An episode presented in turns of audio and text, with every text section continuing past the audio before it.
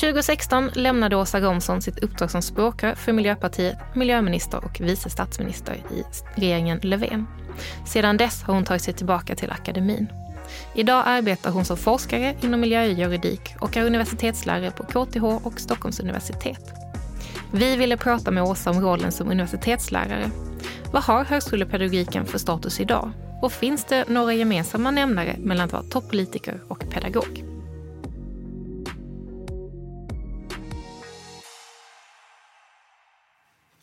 Välkommen Åsa Romson. Tackar, tackar.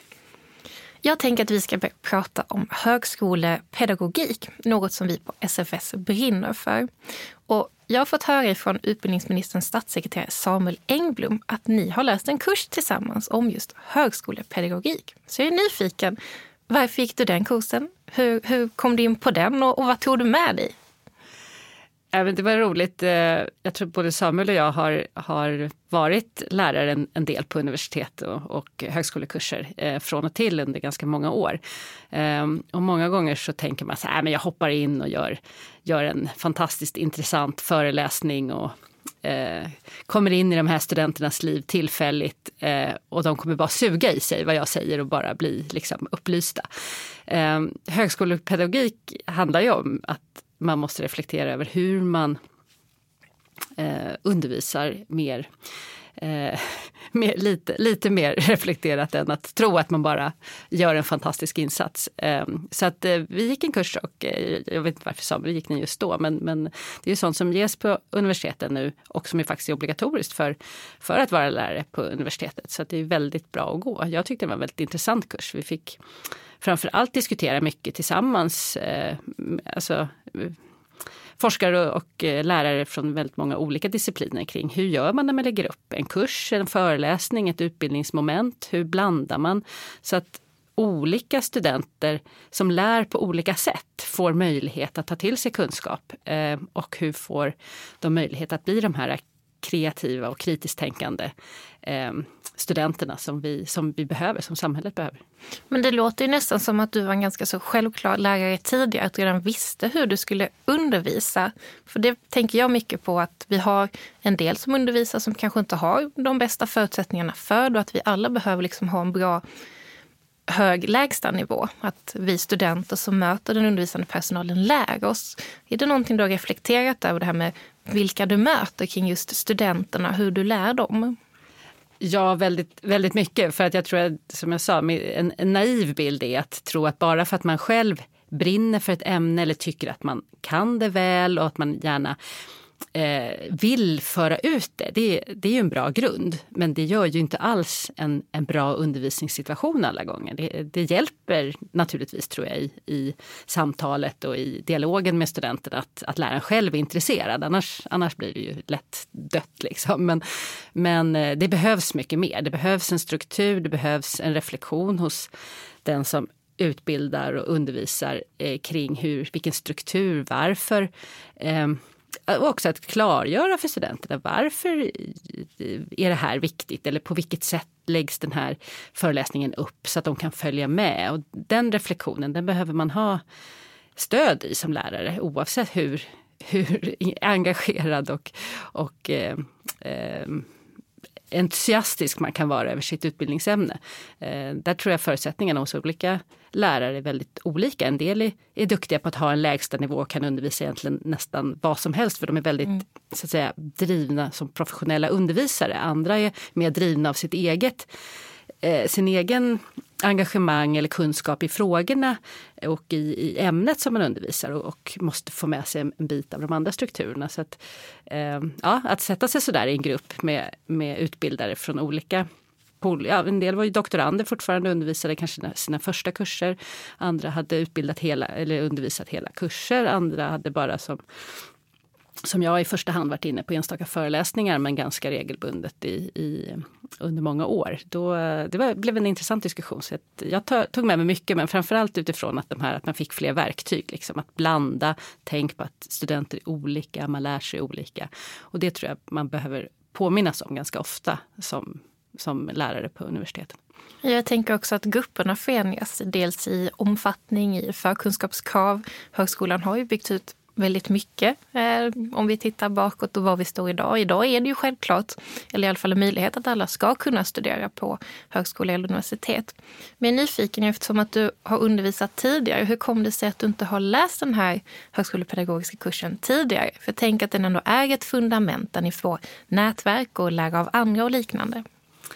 Ja, anledningen är nog att man som doktorand när man är jag hade en doktorandtjänst där jag hade 20% undervisningstid egentligen eller andra doktorandkurser. Och eh, jag maskade väl lite under mina doktorandstudier och eh, tog helt enkelt, gjorde en del doktorandutbildningar tillsammans med andra doktorander istället för att undervisa jättemycket. De undervisningstillfällen jag hade tyckte jag att jag klarade av bra utan mm. den där kursen. Det var nog inte så klokt tänkt men det var så jag hus, hus höll med, med den tiden jag hade för att skriva avhandlingen. Det där är ju ett dilemma att, att eh, de doktorandförutsättningar som vi, eller den, de förutsättningar vi ger till doktorander på, på högskolorna och universiteten ofta är väldigt, alltså de ska bli bra på allt, de ska skriva en fantastisk avhandling, de ska eh, delta jättebra i det kollegiala arbetet och på högre seminarier och prestera hela tiden och de ska dessutom då utvecklas som lärare och hålla, få ett ganska tungt oftast eh, liksom, undervisningsansvar. Alla de där bitarna kan bli lite mycket och jag fokuserade inte på undervisning när jag var doktorand. Eh, utan det blev fokus på forskningen och eh, forskningsutvecklingen. Så därför hade jag den här saken att ta igen nu och då är jag glad att, att den kursen fortfarande var öppen och jag fick en möjlighet att, att ta det nu. För det, det är också roligt att komma in och reflektera över sådana saker när man också har undervisat en del ehm, och bygga vidare så att säga. Mm. Det är väldigt intressant just det här med doktoranden eller den som forskar studerar. Vi på SFS vi har ju en doktorandkommitté, SFS DK, som bevakar de här frågorna, som möter doktorander, eh, som pratar om just det här kring hur en kan förhålla sig till så mycket som ska in under de här fyra eller fyra och ett halvt åren. Och därtill så givetvis avhandlingen som är det centrala. Och sen många som engagerar sig, som är med i det kollegiala inflytandet. Och de har ju den här dubbla rollen i att både vara en student och en anställd. Eh, och när vi kommer tillbaka kanske till högskolepedagogiken så för oss studenter så är det de här doktoranderna som sen ska liksom återundervisa och förmedla det vidare. Det blir väldigt viktigt att dels kunna forska och, och ta fram nytt eller fördjupa sig och sen då även bli en bra undervisare eller lärare. Eh, jag tänker, du undervisar ju på KTH och Stockholms universitet. Hur eh, trivs du i rollen som lärare eller den som undervisar? Men jag är den typen av lärare att jag, jag brinner för ett ämne och jag eh, är väldigt engagerad i att jag vill ju då att studenterna ska eh, brinna lika mycket eller, eller se hur fantastiskt intressant och viktigt de frågorna kring, jag undervisar ju klimatjuridik, i miljörätt, i eh, eh, styrmedel och eh, det, det är ju både en, en, en fördel och en, en, en svårighet. Därför att även jag möter ju på studenter som gör en kanske utbildning där det här bara är en liten del och deras huvudfokus är kanske andra delar av sin utbildning. Och det här är en kurs som de antingen måste ta eller som det föll sig så att de behövde ta. Um, och där behöver man ju uh, ofta som lärare bli uh, bra på att nå ut uh, och, och nå fram även när student, motivera studenter helt enkelt. Och där, där känner jag ofta att, att det är en fördel att, eh, som jag har jobbat eh, ganska brett i samhället med de här frågorna och också kunna eh, ta in och verklighetsförankra och diskutera med, med studenterna helt enkelt kring vad, hur de ser på, på rättvisa, på eh, framtidsfrågor, rättvisa mellan generationer eh, och helt enkelt försöka snappa upp det som gör att de kan hitta en ingång och hitta ett intresse. För Eh, i grunden så, så ska man ju, måste man ju hitta sitt eget sin egen nyfikenhet på lärandet för att eh, också bli en, eh, ja, för att lyckas som student och tycka att det här är, det är kul att man inte bara lär sig för att, så att säga, prestera på tentan som eh, ja, särskilt juridikstudenter ofta har haft en, en, en, en nackdel att de liksom ska utvärderas väldigt hårt. Eh, men, men jag gillar ju att få studenter som, som vill lära sig för kunskapen. Ja, där tänker jag också att det finns en utmaning som liksom den presumtiva studenten, den unga eleven som är på ett gymnasium eller liknande, att fundera på vad vill jag och se alla möjligheter. Det finns ju en hel massa med utbildningar då att hitta rätt. Och jag själv började på en utbildning och slutade i ett helt annat fält och har varit igenom det. Jag tror väldigt mycket ligger just i här kanske få, få höra vad innebär det att vara eh, juriststudent. Vad gör en jurist senare? Det är inte bara så att du blir åklagare eller domare. Det finns ju en uppsjö av andra områden. Till exempel miljörätt är ju ett sådant. Jag är lite nyfiken också för att vi på SFS vi menar ju att all den undervisande personalen ska ha eh, utbildning i högskolepedagogik. Vad, hur ser du på lärosätenas arbete med högskolepedagogik? Jag tänker lite det här att du själv inte hade den men har tagit den nu, att möjligheten fanns. Är det så att du har blivit bättre rustad för att möta studenterna nu? Ja absolut, de här kurserna har eh, utvecklats och de har eh, tryckts på mycket hårdare. Jag tycker att de regler som har utvecklats, det fanns redan, det var inte eh, när jag doktorerade var ju 2000 2006 till 2010 och det var ju obligatoriskt att, eh, att ta den eh, utbildningen. Den var inte eh, lika utvecklad då men eh, jag tycker att eh, det har verkligen tagit steg att man både har krav på eh, högskoleutbildning, eller liksom högskolepedagogisk utbildning, att det erbjuds kurser på ett sätt som också anpassas till, till den situation som eh, som eh, ja, doktorander eller andra lärare kan vara i. Att nu under corona till exempel så blev det naturligt att kunna både få också stöd i hur man är lärare med eh, hybridsammanhang. Eh, det gavs också de här kurserna kunde ges eh, digitalt vilket ökade möjligheterna. Eh, det som saknas är väl fortfarande egentligen ett, en riktig insikt hos, hos eh, institutionerna att, att det krävs också att man ger den tiden till till doktorander eller lärare att, att ta den. Att man inte förutsätt, idag förutsätts det väl att det görs väldigt mycket på, på fritiden. Eh, man har möjlighet att gå kursen men, men du får hitta den tiden själv och det är inte riktigt ansvaret tycker jag. Eh, för att man ska ju också ställa kravet på kvalitet i utbildningen och då måste också det ges tid till den här, till den här undervisningen eller till den högskolepedagogiska utvecklingen. Eh, men, men den har helt klart en mycket starkare ställning nu än vad den hade när jag, när jag själv till exempel gick på juristlinjen. Då var det, då var det mycket mer att ja, det var lärare i sin egen höga person som, som utformade och det var med ingen annan som skulle tala om hur de gjorde det. Och för vissa studenter funkade det och för vissa studenter gick det ju väldigt illa för att det helt enkelt inte var en tillräckligt professionell eh, undervisning. Eh, så det har, det har skett mycket men det finns fortfarande steg att ta. Så det är bra att, att ni trycker på.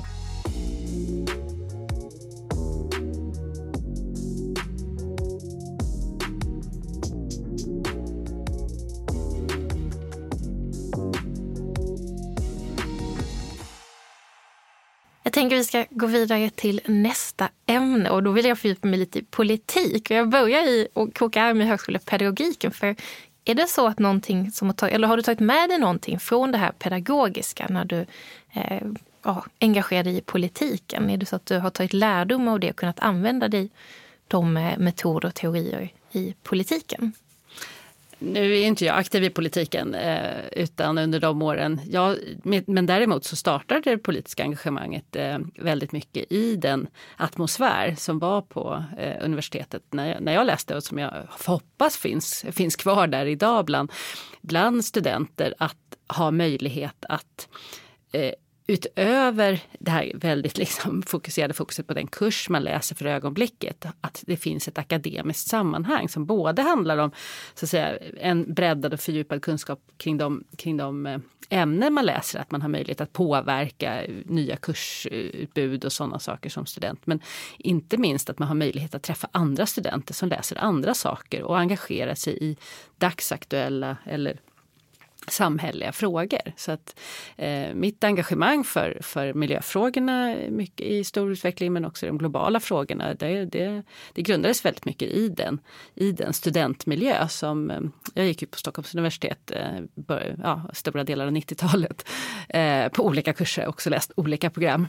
Eh, eh, och det, det engagemanget är ju det som jag liksom formades av in i politiken. Det här liksom, eh, engagemanget för att Ja, för, för en bättre värld helt enkelt. Hur, hur de globala förutsättningarna som såg delvis annorlunda ut då. Då gick vi från, från ett kallt krig mot en öppnare värld, mot en, en ökad eh, så att säga, trygghet i att utvecklingen går framåt. Eh, inte minst utbildningskvaliteten eh, i hela världen och, och därmed eh, en grogrund för att kunna bygga starka samhällen. Eh, nu har vi ju en, en, backlash på många, på många fronter och eh, jag tror därför att studentengagemanget eh, är än viktigare idag kanske just kring, kring hur man håller ihop de frågorna. Hur skapar man solidaritet mellan studentrörelser i olika länder? Ehm, inte minst för att eh, kunna ta, ta tillbaka eh, makten över att bygga samhället gott igen. Um, så det är det jag tar med mig från, från det akademiska in, in i politiken och vice versa. Det, det, går liksom inte riktigt att skilja åt för att det handlar om, om ett samhällsbygge. Nej, jag tycker det är väldigt vackert det här med studentengagemanget och studentrörelsen. Och nu när vi ser till kriget i Ukraina, vi har situationen i Belarus, vi har tidigare situationen i Afghanistan som, som ännu inte har sått, eh, liksom sett sitt ljus. Men där har vi väldigt mycket engagemang och stöd som sker mellan just studentkårer i till exempel Sverige och Europa, men även övriga världen. Hur viktigt det är. Det är ju likadant, vi hör de här hemska rapporterna om ökat eh, hot och våld bland, eller inom akademin där akademin utsätts för då just den här skiljelinjen mellan eh, politiken, det ska gärna vara ett stöd, eh, gärna komma till med till exempel resurser och liknande, men också hålla sig på avstånd så att eh, forskningen och utbildningen kan få vara fri. Tänkte fråga lite, för du har haft tunga poster, dels som miljöminister och sen som eh, även vice statsminister. Känner du dig färdig med partipolitiken idag? För ögonblicket så har jag inga, inga eh, politiska förtroendeuppdrag och är inte eh, engagerad i, i dagspolitiken i, i, i, verksamheten så att säga. Men, men jag, jag är ju fortsatt engagerad samhällsmedborgare och, och eh, eh partimedlem i, i Miljöpartiet. Så att det ger, ger råd och stöd där det, där det efterfrågas och där man kan. Men man måste kunna ha olika roller eh, i livet och eh, jag var är oerhört engagerad som miljöpolitiker både på lokalt plan och sen eh, på riksplanet, då, både i riksdag och regering eh, under kanske 15 års tid. En del av det parallellt som fritidspolitiker bland annat när jag, när jag forskade. Och, och fritidspolitiken är ju egentligen den stora politiska rörelsen i Sverige. Det är det som de allra flesta politiskt förtroendevalda har, har som ett ett, en del av sitt, eh, sitt, civila, sitt civila liv så att säga. Men, eh, men ju, även det känner jag just nu att det får, det får pausas. Om det, om det återupptas eller inte det, det vet jag inte men jag har inga sådana planer för ögonblicket utan just nu vill jag gärna eh, fördjupa mig eh, mer inom, inom den forskning kring miljörätt som, som jag påbörjade och eh, gärna utbilda eh, mer för att eh, helt enkelt det behövs fler. Jag ser ju att den omställning som, som som vi behöver för att bygga klimatrobusthet och, och också global solidaritet, den, den behöver utvecklas ganska mycket och då behövs det engagerade och duktiga studenter och eh, utbildade, högskoleutbildade eh, personer för det. Så att, eh, jag, jag ser det, mitt, mitt inslag där just nu. Jag tänker du har ändå fått lite perspektiv för Är det så att du är engagerad inom de högskolepolitiska samtalen idag eller beskådar du dem mer på avstånd? Jag delar ju, deltar ju lite mer i dem nu utifrån de forskningsinstitutioner som jag har beröring kring. Eh, och har ju också haft ett, ehm, eh, efter partipolitiken, haft ett, en del uppdrag eh, utifrån, utifrån de plattformarna. Jag har varit särskilt utredare, det har handlat om miljöövervakning och jag har suttit på en del internationella poster där man diskuterar hållbar utveckling. Men, och där en grundläggande faktor i, i, i de här strukturerna många gånger har handlat om så att säga skärpunkten. Hur får vi ny, eller inte ny, existerande kunskap kring klimatförändringar framför allt men också alltså, kring det hela hållbarhetssystemet. Hur får vi den kunskapen att att bli, eh, bli förankrad och genomförd. Och hur får vi... Den stora utmaningen nu är ju mycket eh, takten. Alltså det här mm. måste gå så otroligt mycket snabbare än vad vi har tänkt förut. Och hur bygger vi in det här eh, från forskning och eh, kunskapssamhället in i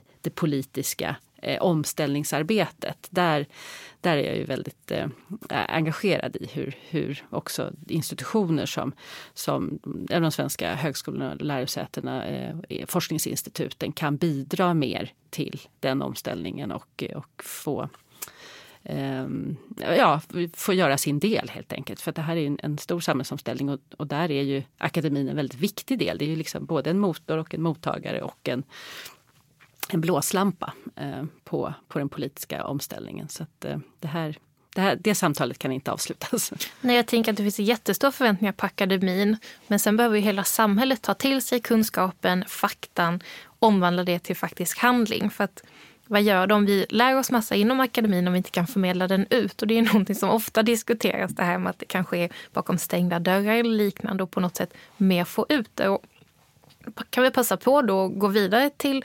hållbarhetsaspekten, för det var ju 2006 som vi fick lagförändring och det infördes i högskolelagen att alla högskolor ska främja hållbar utveckling. Hur ser du på det? Liksom, vad har det blivit av det i praktiken? För jag var själv med i eh, diverse utredningar om det här tio år efter där vi pratade om vad gör lärosätena idag? På något sätt mentaliteten, eh, är det tillräckligt? Och det är så uppenbart att nej, det är det ju inte för vi har ju fortfarande jättestora utmaningar och det känns som att hållbarhetsfrågan har ju också hamnat lite i skymundan nu, vilket är fullt förståeligt när det är andra, eh, andra delar som kommer fram kring eh, pandemi och krig. Men det här kring hållbarhet är ju inte en fråga som får stanna av. Utan det är ett samtal som måste fortsätta och där förändring behöver komma till. Ehm, men vad tänker du kring det? Liksom, hur ska vi de facto få ut den här kunskapen? Vad är det våra studenter lär sig och hur kan de få med sig det när de sen också lämnar och liksom påverkar samhället i övrigt?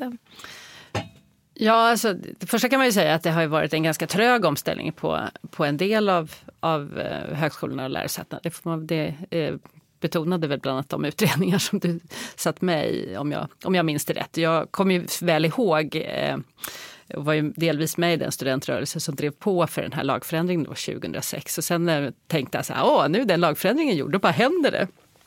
Och så jobbade man på, på kåren, jag jobbade en del på studentkåren eh, ja, vid det skedet ungefär. Och det insåg man att det här var minsann inte institutioner som ändras bara för att det är en lagändring. Utan det är ju, ett, som i många organisationer, ett ganska trögt jobb att, så att säga ställa om och framförallt att självreflektera över vad man eh, ja, vad som är ohållbart, vad det är som behöver förändras. Därför det är en sak att säga att man ska lägga till och ja, man ska också, också prata hållbarhet. Det, det accepterar nog de flesta liksom och tänker att det kommer väl in några nya lärare som är lite engagerade i miljöfrågor och kan undervisa om det. Men det handlar ju inte om det, utan det handlar ju om att, så att säga, få in och bli relevant bygga in relevanta perspektiv i, i alla kunskapsplattformar egentligen. Eh, och där tror jag fortsatt att det är viktigt eh, med tanke på hur hur kunskapsläget och ska vi säga, insikterna så att säga ändå går, går framåt snabbare så blir det på sätt och vis ibland studenterna som har den, största, den mest relevanta efterfrågan på de här kunskaperna. Medan de som gör kurserna och, och, och, eller styr uppifrån så att säga är kvar i och tycker att nej, men nu har vi ett, ett färdigt koncept för den här utbildningen. Då, då kör vi på det och så tänker man inte att man ska liksom förändra och, och ta med. Och där är det väldigt viktigt att, att studenterna får komma med med de frågorna och då många gånger så blir hållbarhetsfrågorna bättre förankrade på det sättet. Men det har varit trögt. Eh, jag, jag minns fortfarande hur vi, hur vi ställde frågor till, till institutionsledare på, på den tiden eh, runt eh, eh, ja, innan, innan den reformen. Och det var många som liksom hånlog och sa att men inte, för det här ämnet så är det minsann inte relevant. Såna det är ju just det, det är relevant i alla ämnen. Jag tänker oavsett om det är en litteraturvetare eller någon inom teknisk fysik så är ju hållbarhetsfrågorna centrala. Dels i kanske hur vi förmedlar, hur vi tolkar. Jag själv har konstnärlig, eh, läste inom konsthistoria just det här kring hur vi visualiserar och att visualiseringen gör att människan bättre kan förstå vad blir konsekvenserna av vårt handlande här och nu. Eller just idag pratar vi väldigt mycket om, om kärnkraft. Det var ju en fråga vi inte trodde. Eh, det var väldigt få som sökte sig till de utbildningarna svårt att liksom argumentera för varför vi skulle ha, medan nu är den självklar. Eller Svenskt Näringsliv som pratar väldigt mycket om klimatomställningen och kompetenserna de saknar som de behöver. Och det är inte bara de tekniska kompetenserna som efterfrågas, utan det är ju en helhet. Och här blir det väl extra viktigt att få till de här föreningarna, att få studenter till att ställa krav, till att efterfråga det, men också att lärosätesledningen är tydliga med att det här är viktigt. Det här är någonting som ska in i alla kurser eller program på ett eller annat vis. Ja, jag tror att, att det, det kommer att vara ett fortsatt eh, jobb där. Nu har ju, och i senare perioder så har ju ändå högskolan också själva sett att de behöver en egen så att säga miljöledningssystem. Bara en sån, en sån sak som inte bara handlar om liksom hur man kopierar dubbelsidigt utan har, har passerat den diskussionen som faktiskt var ganska stor en gång i tiden. Eh, jag tror att coronapandemin och hemarbetet har eh, hemmaforskandet har eh, hjälpt oss när det gäller att eh, faktiskt se att eh, all, allt det utbyte som är jätteviktigt inom akademin också kan ta ett större ansvar för sitt klimatavtryck i, i form av och sitt jämställdhetsavtryck i form av hur man organiserar eh, akademiska möten och sådana saker på ett sätt där man, där man faktiskt hushåller med resurser och inte strösslar liksom, eh, med med eh, sånt som är dyrbart både i restid och, och i, i klimatavtryck och inte minst kanske då prioriterar att de som behöver de här eh, fysiska nätverken allra mest oftast är de, de yngre forskarna. Eh, och att det är viktigt att de eh, seniora forskarna får ett större ansvar för att ta eh, klimatansvaret på institutionerna och att det inte, man inte bara stryper så att säga, det för de, för de yngre forskarna.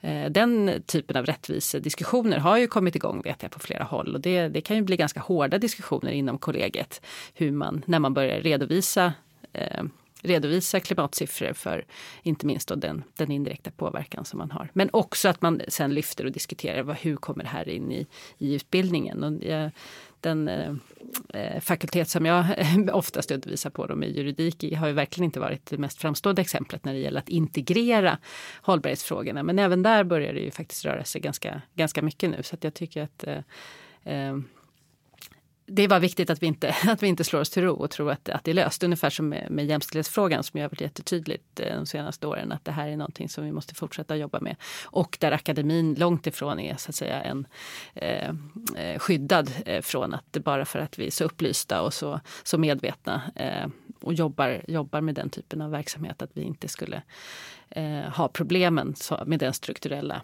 eh, snedrekrytering och strukturella eh, jämställdhetsproblematik och jämlikhetsproblematik som finns. Det, det måste fortsätta att arbeta och det, studenterna är en jätteviktig kraft i att ifrågasätta sådana saker. Ja, det har det också skett stora förändringar när vi ser till vilka det är som söker sig till högskolan. Eh, idag är det ju en större andel kvinnor som är studerande. Men när vi kollar på doktorander då ligger det på hälften hälften och sen högre upp så fortfarande majoritet män. Så det, jämställdhetsarbetet är definitivt inte över. Men jag tänkte gå tillbaka lite till det interna arbetet på lärosätena. För där tänker jag att första steget är lite det du är inne på, att faktiskt följa upp och kolla. Vad, hur ser vårt arbete ut? Vad har vi för riktlinjer, policies och liknande? Eh, hur ser vi på våra flygresor? Hur ser vi på våra Eh, fastigheter och liknande. För det är ju, högskolesektorn är en av de största. Eh, det är någon som också borde liksom gå under lupp och, och titta på hur jobbar ni själva? För att de måste ju vara ett föredöme. All den här kunskapen som liksom ska spridas ut måste ju även spridas inom dem.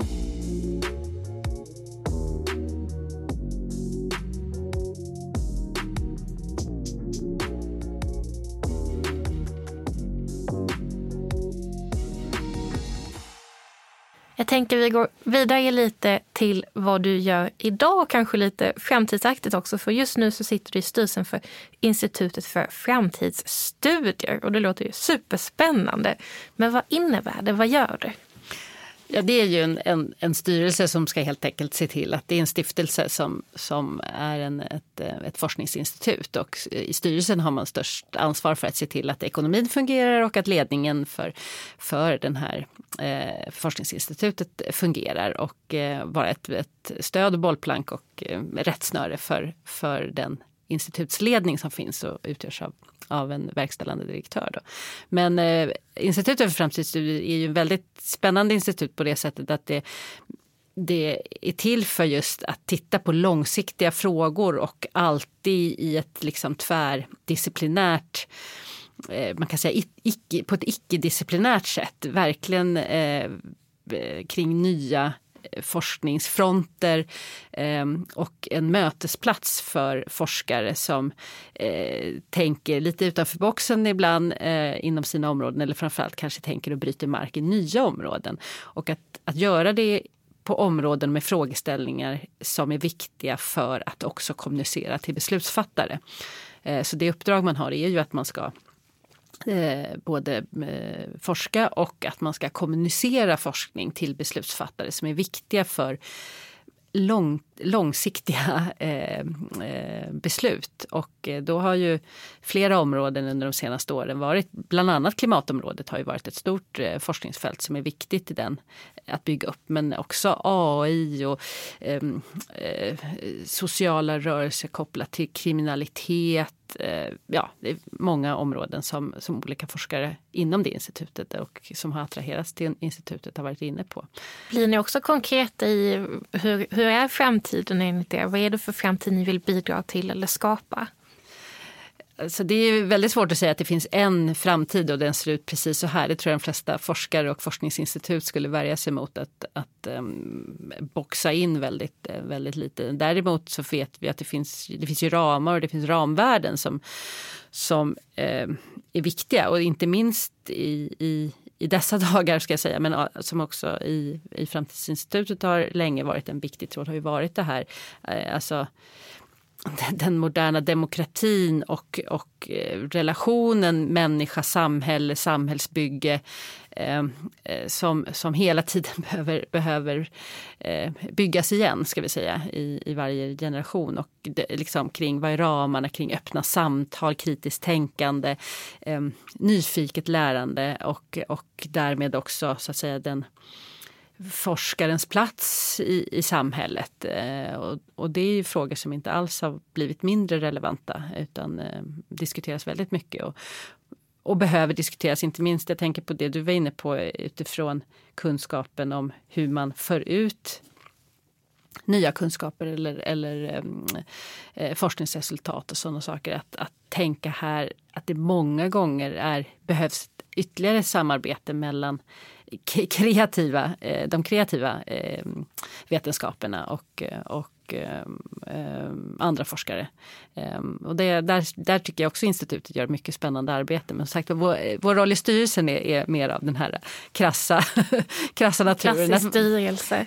Klassisk styrelse. Vi ska inte heller vara där och lägga oss i, i djupet men däremot vara en stöttning och bollplank och naturligtvis kunna diskutera. Och, det är en väldigt blandad styrelse så det finns personer från olika delar av, av både en del med beslutsfattande bakgrund men också med forskarbakgrund och eh, från olika samhällssektorer. Så att det, tanken är att kunna inspirera och säga men här verkar det som att det rör på sig. Här behöver man koppla ihop eh, ja, med AI, digitalisering och hållbarhet har ju varit en sån fråga till exempel och eh, även frågor kring kring just eh, eh hur kommunicerar man. Man hade ju en, en eh, ett inslag där, där Dramaten, samarbete med Dramaten till exempel för att sätta upp olika, in, göra interaktivt och sätta upp olika texter från, från klimatforskare till exempel som blev ett väldigt spännande samarbete. Ja, bland annat. Det finns, finns mycket där. Jag tänker också, för du har ju erfarenhet av att sitta på, på den andra posten och vara beslutsfattare. Hur är det att ta emot den här typen av liksom, underlag där det eh, sias om framtiden eller säger det här behöver vi satsa på, här behöver vi utveckla.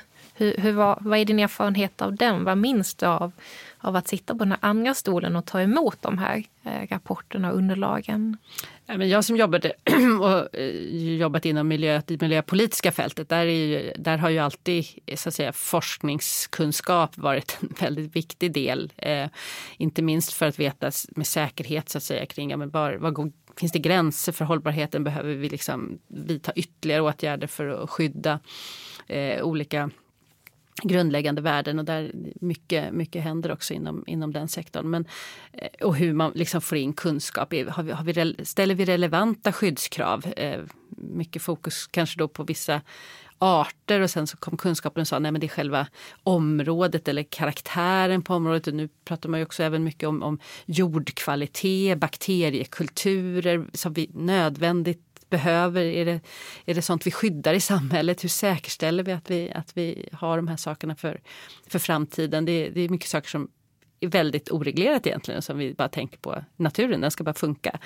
Eh, så det har ju varit en, en, en ständig inflödet inflöde att, att ta och där det har varit viktigt att väldigt tydligt också att det är först efter vissa forskningsgenombrott som det har varit möjligt att också och relevant att komma med politiska förslag kring reformer. Ehm, och att så att säga mottagandet av den här forskningskunskapen har varit en viktig del för att acceptera också politiska reformer.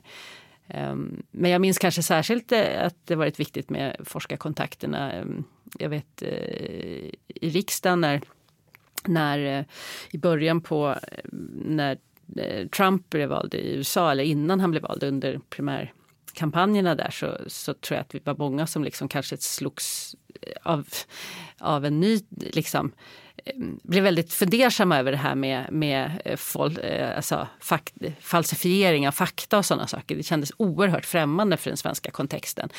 Men vi såg ju hur det liksom började komma in och det fanns tendenser och väldigt nyfikna. Då vet jag att, att det ordnades seminarier och det finns ju en, en organiserad seminarieverksamhet på riksdagen mellan forskare och, och riksdagsledamöter.